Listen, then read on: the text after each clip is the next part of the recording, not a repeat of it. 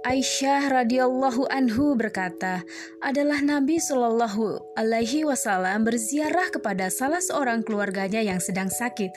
Maka ia mengusap-usap si sakit dengan tangan kanannya sambil membaca Allahumma robbanas adhibil ba'sa isfi antasil syafi la sifa'a illa sifa'uka sifa'an la syakoman.